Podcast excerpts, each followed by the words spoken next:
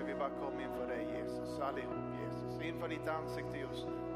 Vi prisar och upphöjer ditt underbara namn. Jesus, vi tackar dig för att du sitter på tronen. Du regerar idag Jesus. Du är den högste. Du är konungarnas konung. Halleluja. Vi lyfter upp ditt namn idag Jesus. Halleluja. Vi tackar dig Gud. Vi prisar dig Gud. Halleluja. Vi tackar dig Jesus. Vi lovar dig Jesus. Halleluja. Vi prisar dig Jesus. Halleluja. Vi tackar dig. Tack Jesus. Jesus, konungarnas konung,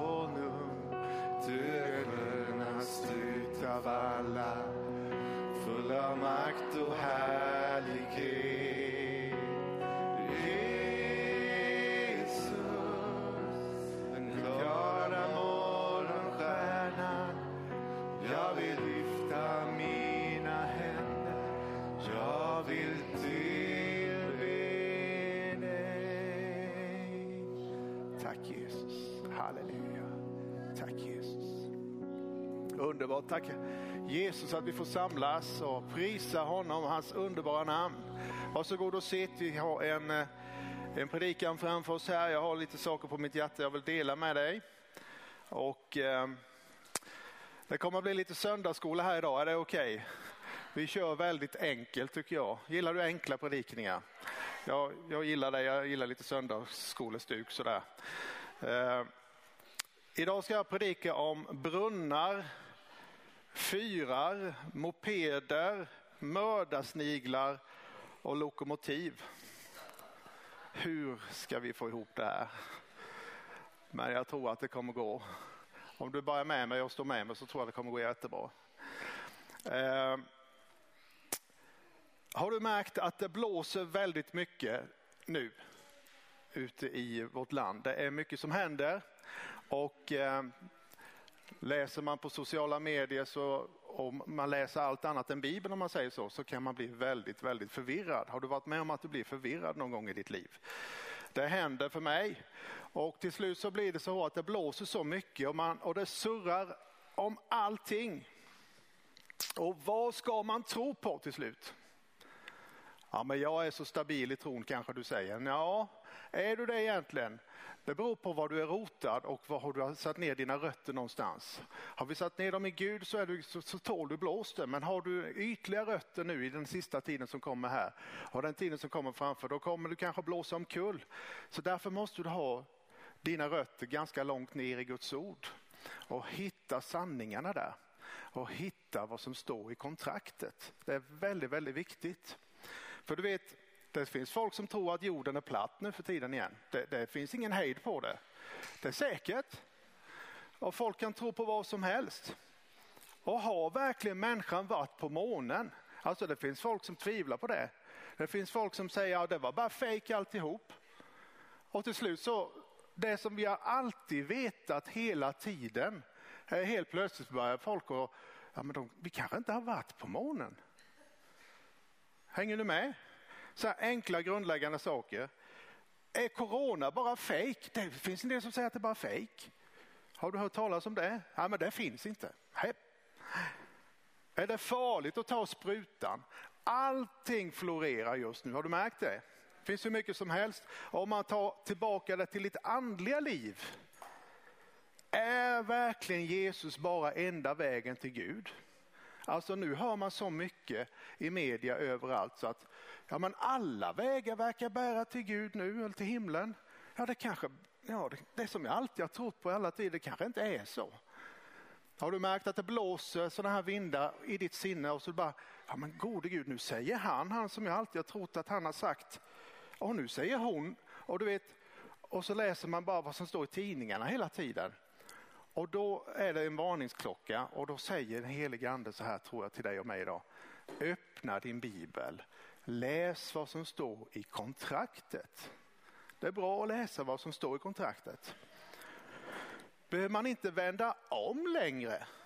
Som man alltid har hört talas om att man predikar sedan man var liten. Att du måste vända om till Jesus. Va? behöver man inte ens vända om längre nu. Nej men det finns ju ingen synd längre. Det finns bara problem. Synd finns inte, det får man inte predika om. Och det är farligt. För finns det ingen synd längre, ja då behöver vi helt plötsligt inte Jesus heller längre. För han kom nämligen för att dö just för våran synd. Och helt plötsligt om man inte passar sig så har vi suddat bort Jesus och korset och alltihop och bara kastat över bord. För det finns ju bara problem. Det finns ju ingen synd längre man behöver vända sig om ifrån. Och det här det predikas till ditt och mitt sinne dagligen just nu. Ja, men stick inte upp huvudet, säg inte att det finns synd, för det finns ju inte, det finns ju bara problem. Men vad står det i kontraktet? Vad står det i Guds ord som alltid har stått i alla tider? Att människan behöver vända om från sin egen väg. Alla är kungar på sin egen väg idag, har du märkt det? Jag är min egen herre. Jag styr det ut mot öppet hav och jag gör vad jag själv vill. Hela tiden är det vad jag själv vill. För du vet, den dagen när du och jag mötte Jesus så hände det någonting. För Jesus, du vet när vi är när du är ute och går på din egen väg, vilket alla människor går, vi går på vår egen väg, vi är vår egen herre. Då går vi så här på vår egen väg och helt plötsligt så får du ett möte av någon i ditt liv som kom in i ditt liv och det var Jesus. Han är på väg åt andra hållet. Men du var på väg däråt. Och precis i mötesögonblicket så hände det någonting. Du fick en fråga eller du fick ett påstående från Jesus och så tittar han på dig med dina kärleksfulla ögon och så säger han Följ mig. Ja men du är på väg åt det hållet, jag är på väg åt det hållet. Jag vill ju gå min väg. Följ mig, säger Jesus. Vad måste man göra då? Då måste man vända om. Och det är så jobbigt för köttet och för dig och mig. Men det är just i det ögonblicket när man vänder om, då är du inte din egen herre längre. Då är inte människan sin egen herre längre, utan då har du fått en ny herre, nämligen Jesus och du följer på hans väg. Och då får vi ödmjuka oss och du fick ödmjuka dig och följa honom den dagen då du, du kapitulerade och så la du ner din eget, ditt eget liv och så sa Jesus jag vill följa dig just nu. Och så fick du vända om. Men omvändelsepredikningar då är inte så vanliga. Men vi behöver få tala om det, för det är det som är nyckeln till frihet för människan.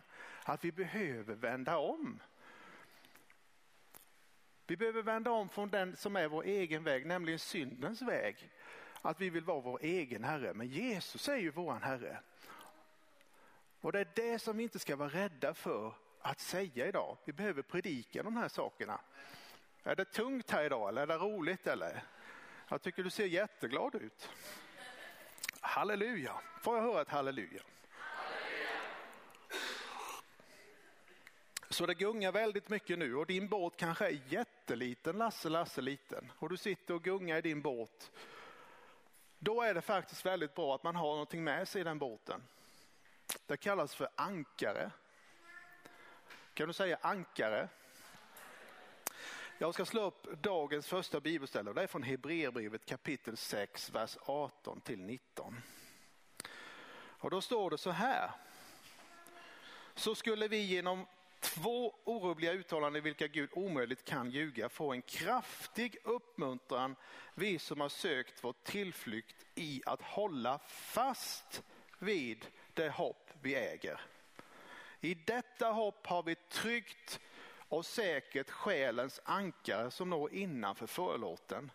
Dit Jesus för vår skull gick in och öppnade vägen för oss när han blev överstepräst för evigt i sådant som Melkisedek. När det blåser och gungar nu, vilket det gör, det blåser och guppar väldigt mycket i varje eka som vi sitter i just nu. Då måste du ha ankaret i någon fast tillvaro. Och då måste du kasta upp ankaret i himlen för där är alltid fast sjöbotten för, ditt, för din båt. Och det är ju med andra ord också att vi grundar oss i vad kontraktet säger, nämligen vår bibel. Rota dig ner i den och grotta ner dig i vad, vad Guds ord säger i de här tiderna när det blåser åt alla möjliga håll. Och det, det, det gungar jättemycket. Jag brukar säga som min gamla ungdomspastor sa, Stefan Salmonsson en gång i tiden. Det nya är att det gamla gäller. Det nya är att det gamla fortfarande gäller. De gamla sanningarna gäller. Och man går alltid tillbaka till kontraktet. Vad står det skrivet i kontraktet? Det är bra när man upprättar ett kontrakt. Jag har upprättat några kontrakt ibland och då skriver man ner i kontraktet. Det här och det här är vad som gäller när man hyr ut till exempel. Och sen om det blir något tjafs någon dag då så, men vad var det vi skrev nu i det där kontraktet? Då kan man inte bara hitta på nya saker, bara fånga någonting i luften. Utan då måste man gå tillbaka. Vad, vad, vad var det det stod skrivet nu igen?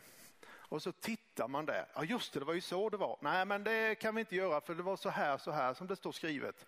Okej, okay, ja men då gör vi så. Så kontraktet är vad som gäller. Är ni med här idag? Alltså grundläggande saker som man behöver tänka på och nämna helt enkelt nu för tiden. Man kanske inte trodde att man behövde nämna det, men man behöver nämna saker nu för tiden. Nummer ett. Jesus är fortfarande världens frälsare.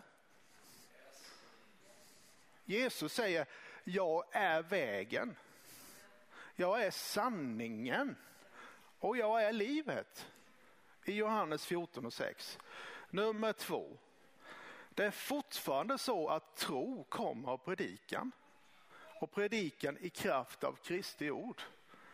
Det är vad som står i kontraktet. Så när jag predikar för dig här idag så får du tro. Visst är det härligt?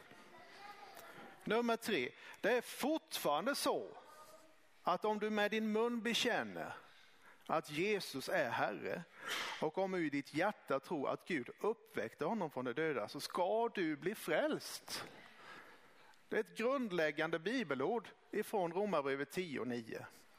Det är vad som står i kontraktet fortfarande 2021. Folk kan bli frälsta i Sverige idag.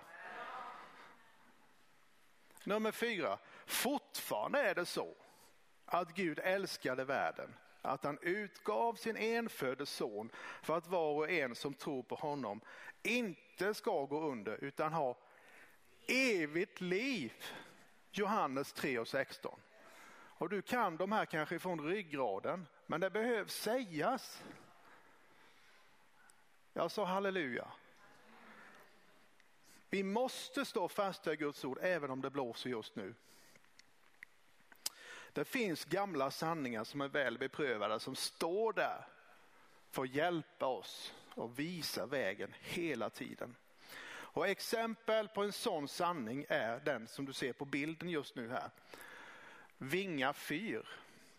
Den står fast i alla väder. Vinga fyr ligger utanför eh, Göteborg.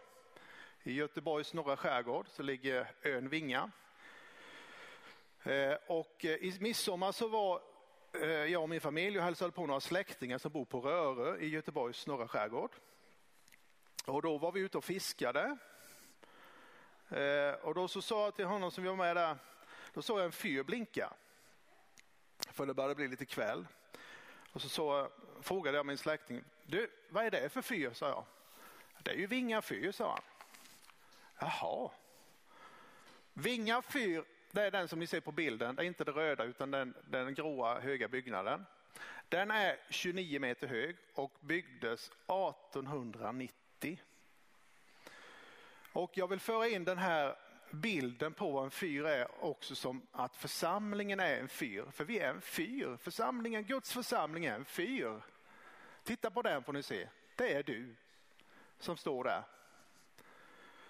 Eh, det var säkert inte vindstilla alla dagar när den byggdes kan jag säga. Det var säkert jättetuffa omständigheter eh, som eh, som var där när de skulle bygga den. Och tuffa omständigheter omger även församlingen om vi reser oss upp och börjar bygga en fyr och lyser med sanningen. Då kommer det att blåsa.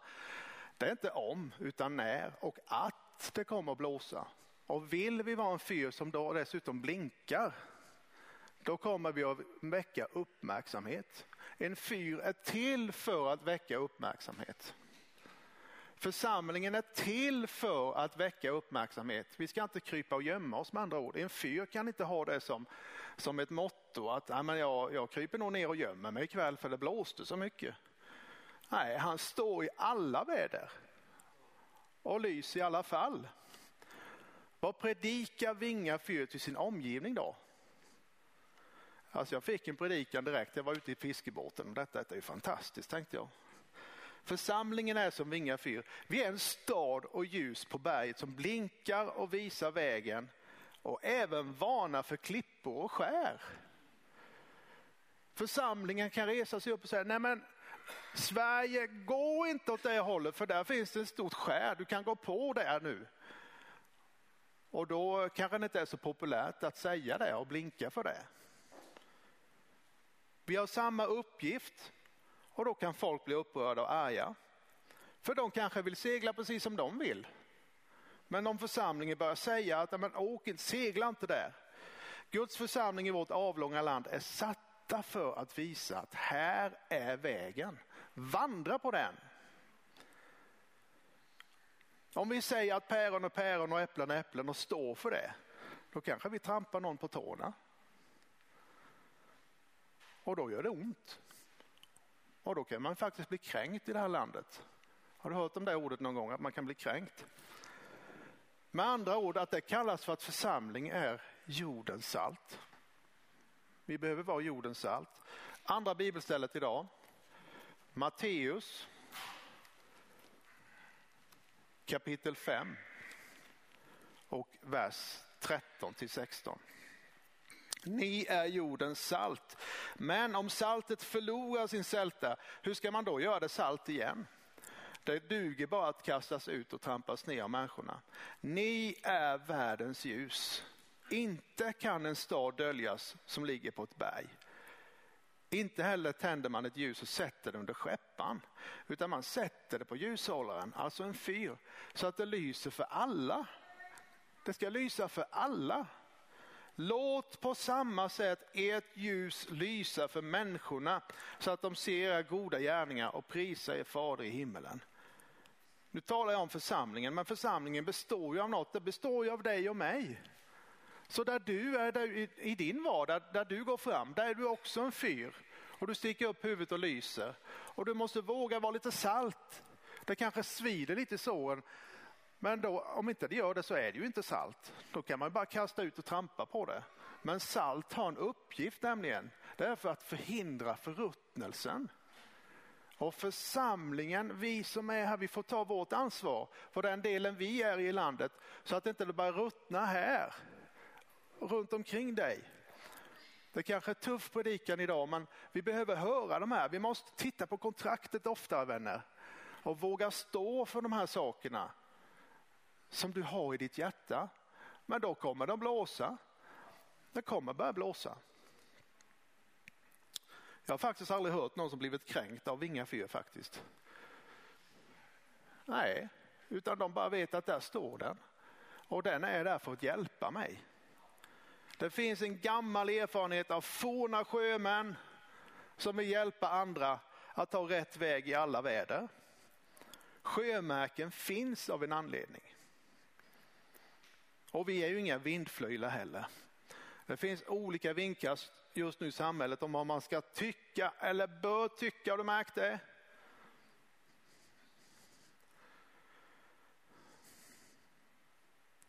Det ändrar aldrig på vad som är skrivet i kontraktet i alla fall. Och kom ihåg en sak, bara för att majoriteten tycker en sak så är det inte säkert att det är rätt i alla fall. Kom ihåg det. Därför är det viktigt att vi har vår ankare i himlens sjöbotten. Det blåser och det kommer blåsa mycket starka vindar på Guds folk i framtiden och även just nu. Titta på de träden som står vid strandkanterna, hur de ser ut. Jag var nere hos min son, han bor i Helsingborg och vi gick med jäms strandkanten. Och de träden som stod där, de var ganska vindpinade kan man säga. Men de står där. Och du och jag är sådana träd. Vi står där och de har rötterna långt ner. De har blivit luttrade av miljön och vinden. Och de har oftast lite sneda och vinda. Det har ni säkert sett. Men tänk vilket sjönära läge de har. Har du tänkt på det? Alla pratar om sjönära läge. Församlingen ska ha ett sjönära läge hela tiden, men det kommer blåsa och du kommer bli rufsig i håret och allting. Nu ska vi inte snacka hår här, men du som har hår kommer bli rufsig. Men tänk vilket sjönära läge du kommer ha i framtiden. Även om det blåser så kommer du ha en underbar plats att vara på. Du är tilldelad ett sjönära lägeplats. Underbart! Att vara vid fronten är att sticka upp huvudet och våga anfalla och försvara och inta nya områden. Vi ska inte bara hålla tillbaka och liksom bara rädda vårt, ja, men, ja, bara vi håller oss för oss själva så kanske vi överlever. Nej, Gud säger att vi ska inta nya områden. Det ska ju bli väckelse nu liksom. Nu är vår bästa tid. Nu ska vi få se folk frälsta och bara bli omvända. Det är ju det som gäller. Eller hur? Det är församlingens kallelse. Det är samma sak att driva företag. Det är att vara vid fronten och inta ny mark. Det skjuts och det smäller runt dig. Men du vill framåt och skapa ny mark. Guds församling i en stad har mer kraft i sig än vad du kan föreställa dig. Är du med här idag? Guds församling i en stad har möjlighet att påverka mycket mer än vad du i din vildaste fantasi kan föreställa dig. För Guds församling har nycklarna till området som Gud har placerat oss i. Hallå, vi har nycklarna. Har du tappat bort nycklarna någon gång? Och det blir kaos, hemma blir det kaos. Vi har ett nyckelskåp men vi använder knappt det och så är nycklarna precis överallt och så är det bara kaos. Och många gånger är det bara mitt fel för jag, frugan skäller på mig. Varför hänger du inte nycklarna där de ska vara?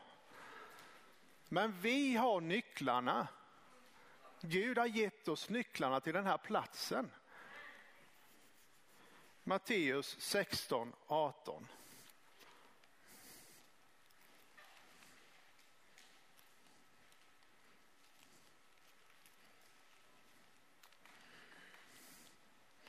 Jag säger dig, du, Petrus, och på denna, du är Petrus och på denna klippa ska jag bygga min församling och helvetets portar ska inte få makt över den.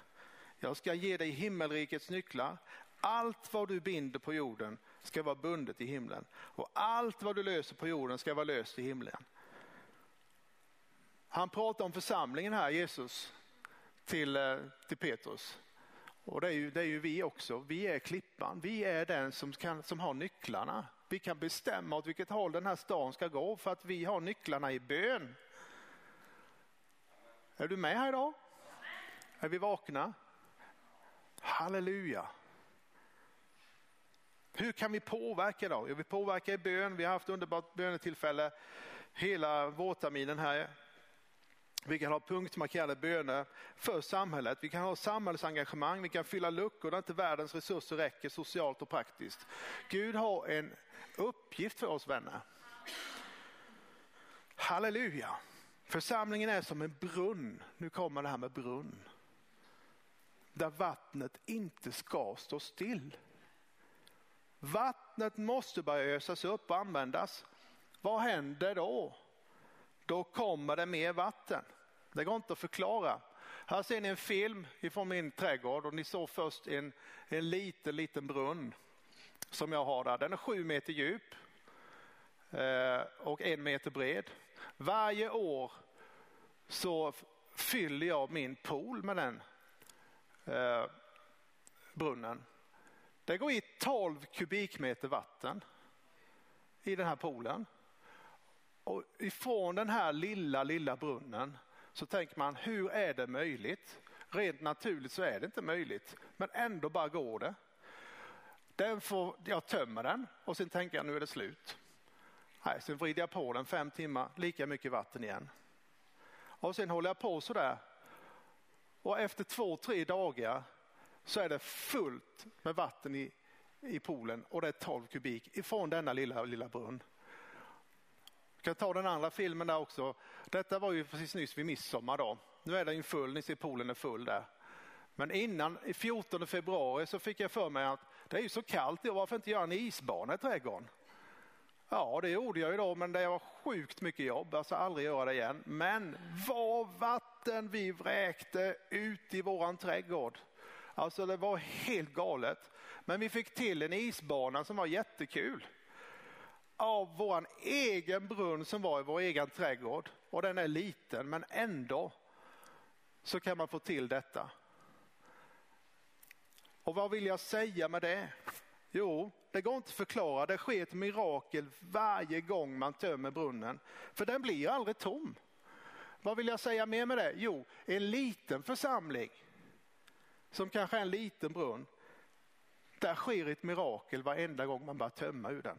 Då kommer det mer och mer vatten underifrån. Det bara fyller på hela tiden. Det är därför vi kan göra större saker än, vi, än, än vad vi liksom egentligen kanske inte pallar med. Hur många saker har vi hållit på med i församlingen ända sedan vi startade? Vi har gjort hur mycket som helst och folk har undrat hur kan de göra detta? De är ju en sån liten församling. Jo, men därför att vi har lärt oss att ösa ur en brunn och det kommer aldrig ta slut. Det bara fyller på underifrån. Visst är det härligt?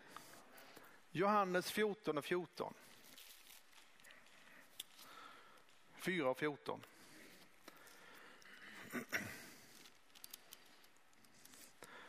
Men den som dricker av det vatten jag ger honom skall aldrig någonsin törsta. Det vatten jag ger skall i honom bli en källa som flödar fram och ger evigt liv. Jag sa halleluja.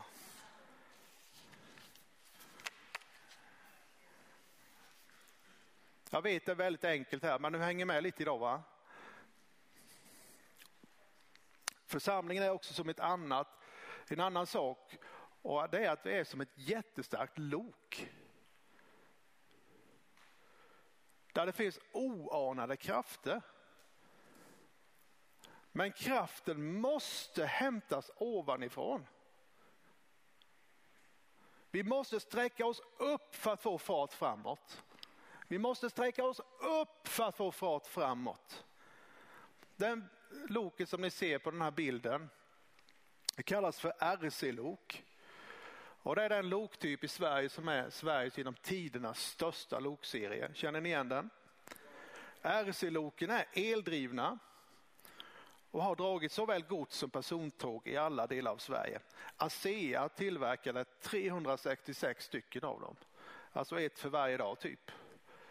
Och ett RC-lok som, som ni ser där, den väger 80 ton. Och för en del så, om man tar den bilden att detta är församlingen du ser framför dig, så, eh, så kan församlingen för en del kan uppfattas som tung och tråkig och det händer inte så mycket. Men vänta bara vad som händer när man kopplar på 16 000 volt. Då får du se vad som händer. Inget kan stoppa ett tåg i 160 km i timmen. En församling med en nedfälld strömavtagare, det står bara bli tung. Man kan måla om loket och leka tåg, men det är inte det som är syftet, eller hur? Du kan ha ett jättefint lok och, det liksom, och du kan måla om och du kan byta reservdelar på det, men det bara står där och då så är det bara tungt och det händer ingenting och det bara händer ingenting och så händer ingenting. Men när församlingen fattar vad är min kallelse? Jo, men det är att vi ska dra folk till himlen. Då måste vi sträcka oss uppåt och ta ner strömmen ifrån ovanifrån. Högspänning gör att det blir skillnad och hela tåget sätter fart och det går framåt och det är tungt men det stannar inte heller. För att det bara, det bara fungerar, det bara går liksom. I alla väder. Halleluja.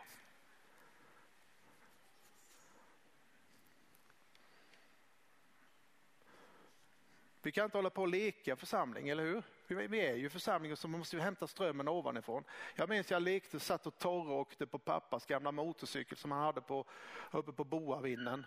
Som vi säger i Småland, alltså det är ju Bodens vind.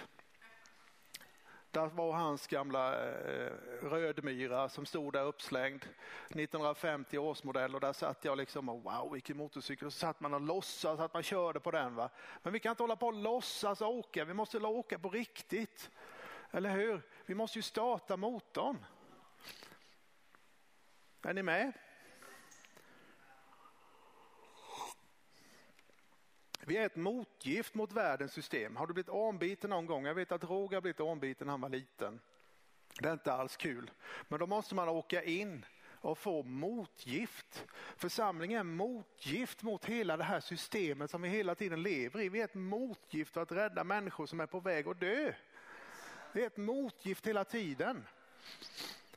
Vi står emot det här giftet som är i världen som försöker dra ner människan i synd och elände. Då är vi församlingen ett motgift. Du är ett motgift i den miljön du är i. Runt omkring dig. Där kan du börja verka och börja vara frimodig och predika. Världens tänkande smyger sig sakta på. Och helt plötsligt så undrar man varför tänker man så här? Varför är det så? Snigeln. Har du haft en mördarsnigel i, i trädgården någon gång? Här ser du en mördarsnigel. Alltså en snigel är ju symbolen för någonting som går väldigt, väldigt sakta. Eller hur? Och så tänker du när du kommer ut i trädgården. Hur har alla dessa kommit hit? Jag fattar ingenting. En snigel. Har de sprungit hit eller? Nej, de bara smyger och smyger sig fram och helt plötsligt bara är de där. Och det är precis likadant, vi blir påverkade av det här världens system som är runt omkring oss hela tiden. Som bara liksom trycker ner dig och helt plötsligt är det bara en massa mördarsniglar runt omkring dig. Och så måste du få bort dem. Men du fattar inte hur de kom dit, men de smyger sig på hela tiden. Bort med dem. Halleluja. För ett tag sedan så ringde pappa och sa att du, vi har ju sålt gården så vi måste dela upp lite grejer här min bror och jag och nu står det en gammal moped här, den kan du bara hämta sa han. Jaha, sa jag. Det kan jag väl göra då. Och eh, då åkte jag och hämtade den. Det var bara det att det var ju min farmors moped. Ni ser den på bilden där. Och den eh, hade inte varit igång på 40 år. Så jag tänkte det här går ju aldrig. Men det första som man måste tänka på när man ska titta på en gammal moped eller vad för motor det än är. Har den gnista? Det är det första man måste kolla. Finns gnistan där?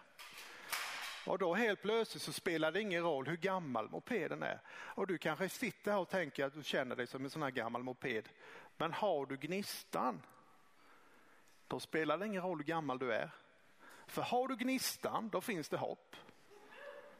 Då finns det hopp. Och sen är det en sak till man måste kolla. Vad är det?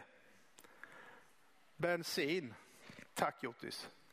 Finns det bränsle? Och bränsle finns, om bränsle finns och det finns gnista, då kan, då kan jag säga att det finns ett stort hopp för att den startar. Och jag höll på med denna moped och eh, tänkte att eh, jag undrar om jag kommer få igång den. Jag rengjorde tanken och allting och höll på att rengöra förgasaren och vi plockade sönder och höll på så här. Och, men gnistan fanns ju och helt plötsligt efter ett tag så gick den ju igång. Och det var ju sån seger hemma så vi åkte och köpte en tårta. Nej det gjorde vi inte. Men eh, det var väldigt roligt att få igång den. Och då vill jag bara skicka med dig här idag att det spelar ingen roll om, om eh, du känner dig som en äldre modell. va? Och du liksom, ja men jag hänger inte med riktigt längre och, det är, och lovsångerna var inte som förr och det finns ju en hel upprad. Man kan, liksom, man kan hävda massa saker hela tiden. Men finns gnistan där så spelar det ingen roll. Då kan du köra och då finns det bränsle som du kan hämta i Guds ord. Eller hur? Du kanske är en yngre mopedmodell. Du är så cool så att det är inte klokt och du har det senaste som finns. Du har den häftigaste lacken. Men finns inte gnistan, då kan du stå där och se snygg ut. Det måste finnas gnista, även i unga, bland ungdomar. Gnista måste finnas för Gud. Amen.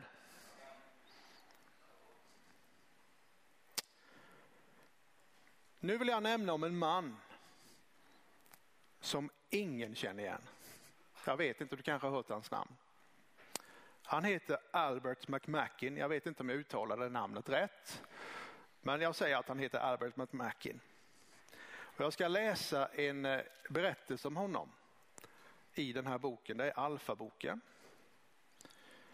Och eh, får du bara lyssna här. Albert McMackin var en 24 år gammal bonde som nyligen kommit till tro på, på Jesus. Han var så full av entusiasm att han fyllde en lastbil med folk och tog dem med till ett möte för att de skulle få höra om Jesus. Det var speciellt en ung stilig bondson som eh, han var angelägen att få med sig. Men ynglingen var svår att övertala. Han var fullt upptagen med att bli förälskad i den ena flickan efter den andra och verkade inte vara intresserad av kristendomen. Till slut lyckades Albert McMackin få honom med sig genom att erbjuda honom att köra lastbilen. När de var framme och pojken kommit in på mötet så visade det sig att han blev totalt fängslad av det han hörde. Han upptäckte saker som han aldrig tidigare vetat om. Kväll efter kväll kom han tillbaka och en dag gick han fram och överlämnade sitt liv åt Jesus. Den mannen, pojken som körde lastbilen, var Billy Graham. Året var 1934. Sedan dess har Billy Graham lett tusentals människor till tro på Jesus Kristus. Vi kan inte alla vara som Billy Graham, men alla kan vi göra som Albert McMackin. Ta med oss våra vänner till Jesus. Och I slutet på predikan här så vill jag bara uppmuntra dig att du är faktiskt, vi är en länk i kedjan hela tiden. va? Eh, och du behöver inte, du kanske inte känner att ja, jag är ingen, nej men du är någon. Du är någon och du kan vara en Albert McMackin och du kan ta med dig folk till Jesus. Du kan ta med dem på höstens alfakurs till exempel. Du kan bara liksom vara en liten, liten länk och sen vet inte du kanske vad som händer nästa steg, men du har varit en länk, du har varit någon. Albert McMackin, tänk om inte han hade varit trogen sin tjänst eller trogen sin, liksom, följ med här nu då va. Det var som när jag var ung, jag var 14-15 år och fick med mig ett gäng ifrån min klass och de blev ju frälsta nästan halva klassen. Men vad jag tjatade på dem. Häng med nu, häng med på ungdomarna här, vi sjunger nu. Ja men 14 år och kille och sjunger, det gör man ju inte. Men ändå så helt plötsligt så var de med. Och de är fortfarande frälsta. Bara för att man har liksom varit lite, kom igen nu åker vi liksom. Jag vet jag var nere på, på, eh, på ett diskotek och hämtade hela gänget för då var de på väg tillbaka. Liksom. Ja, men det var nog inte något med Jesus. Ja, men här, haka på nu. Jag vet jag, Rolf, min brorsa, hans 142 vi slängde in dem allihop där bak och nu åker vi till möte på missions, eh, i Missionskyrkan i Vrigstad. Och så var det ungdomarna där istället. Så att liksom, det är sådana här saker, man får bara göra lite så här grejer som gör att de faller på rätt håll. Och det är så viktigt, de här små sakerna. Var en sån här småsakgörare hela tiden. Du behöver inte göra så stora saker, var en småsakgörare. Och det kommer, du kommer få se resultat. Du kanske tänker om dig själv att ja, men jag gör ju ingenting för Jesus. Ja, men gör en liten sak då. Och de, de små sakerna är stora saker. Är du med?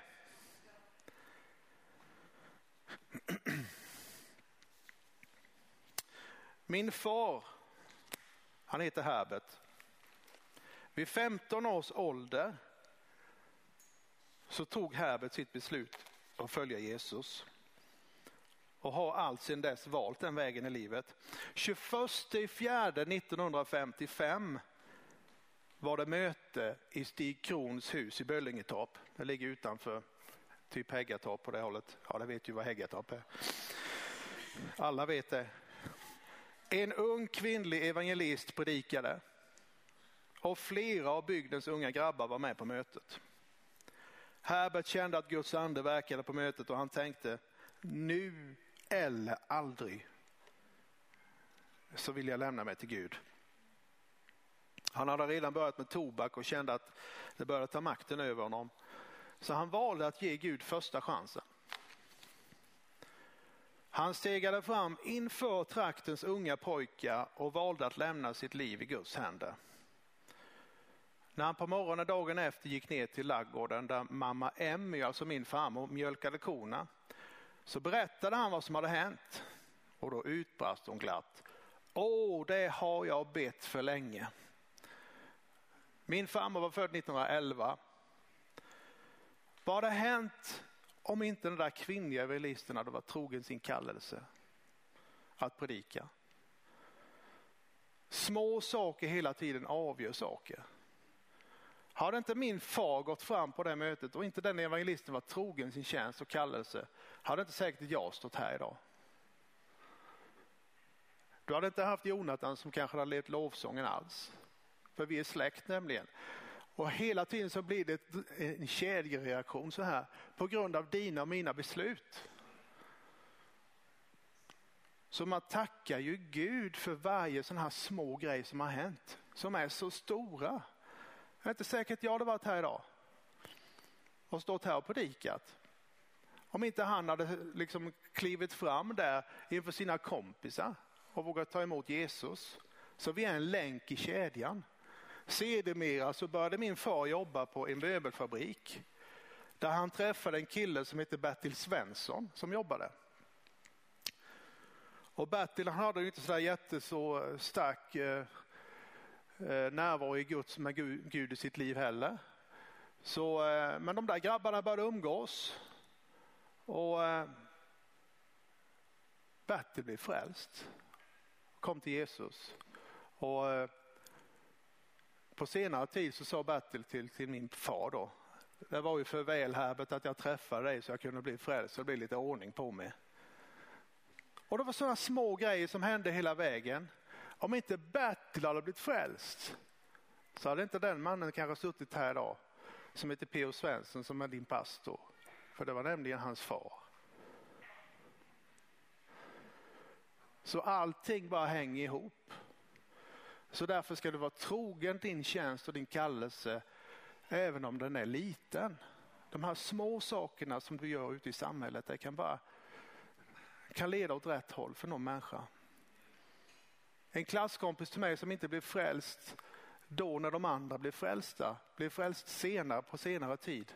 Och då träffade jag honom på en mack. Och han eh, hälsade på mig, jag hälsade på honom givetvis och vi pratade lite. Då eh, hörde jag ett rykte senare att han hade gått och blivit frälst.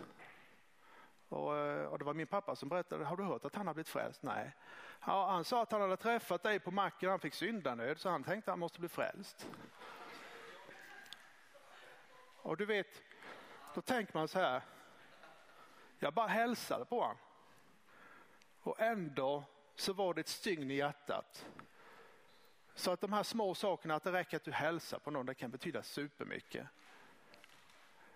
Och det är detta jag ville bara med all enkelhet skicka med till dig idag. Det har varit lite löjliga bilder om, om polar och, och mopeder och, och så här. Men det är lite för att du ska förstå. Vet, Jesus han talade mycket liknelser hela tiden. Bara för att folk skulle fatta. Och vi fattade denna predikan förhoppningsvis vad jag ville få fram idag. Att bara du har gnistan så finns det ett hopp. Och vi ska stå upp för sanningen i alla tider. Och vi är en fyr och vi ska lysa överallt. Och vi kanske är en församling som är tung som ett lok men går som tåget när det är 16 000 volt ovanifrån.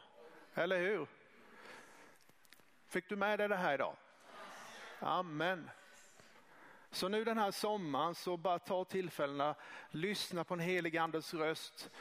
Eh, de här små, små, du kanske bara får en tanke, gå över till grannen och bjud på fika eller någonting, gör någonting. Var lydig de små sakerna. För det betyder så mycket. Och du har gjort så mycket redan som säkert har betytt så mycket. Du vet inte det förrän du kanske kommer till himlen en dag. Ja, men tack för att du gjorde det och du har ingen aning om det ens. Amen. Och så är du en Alan McMackin. Amen. Fader, vi tackar dig för den här dagen. Tack för att det här budskapet som har fått komma till våra liv, Gud, att det ska bara få påverka oss i framtiden. Och låt den här sommaren få bara bli en sommar där du använder oss, Gud. Att inte vi bara tänker på våra egna prylar och saker och, och allt sånt här, Gud, som bara vill ta så mycket plats i våra liv. Låt oss bara få se människor eh, runt omkring oss Jesus. Vi bara tackar dig Gud för att du kommer använda oss var och en Gud. Prisa dig för det Jesus. Halleluja Jesus. Tack helige Ande. Tack för att du är med oss.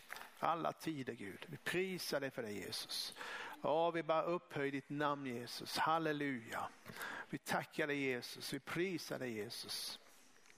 Tack för att vi kan vara en fyr som står fast i alla väder och som bara blinkar för dig. Vi prisar dig för det Gud för det. Halleluja, vi prisar dig Jesus. Tack Jesus. Tack helige Ande. Halleluja Jesus, vi prisar dig Jesus. Tack Jesus, halleluja Jesus, vi prisar ditt underbara namn. Tack Jesus, halleluja Jesus. Tack Jesus. Halleluja. Jonathan, har du någon härlig sång vi kan köra här i slutet?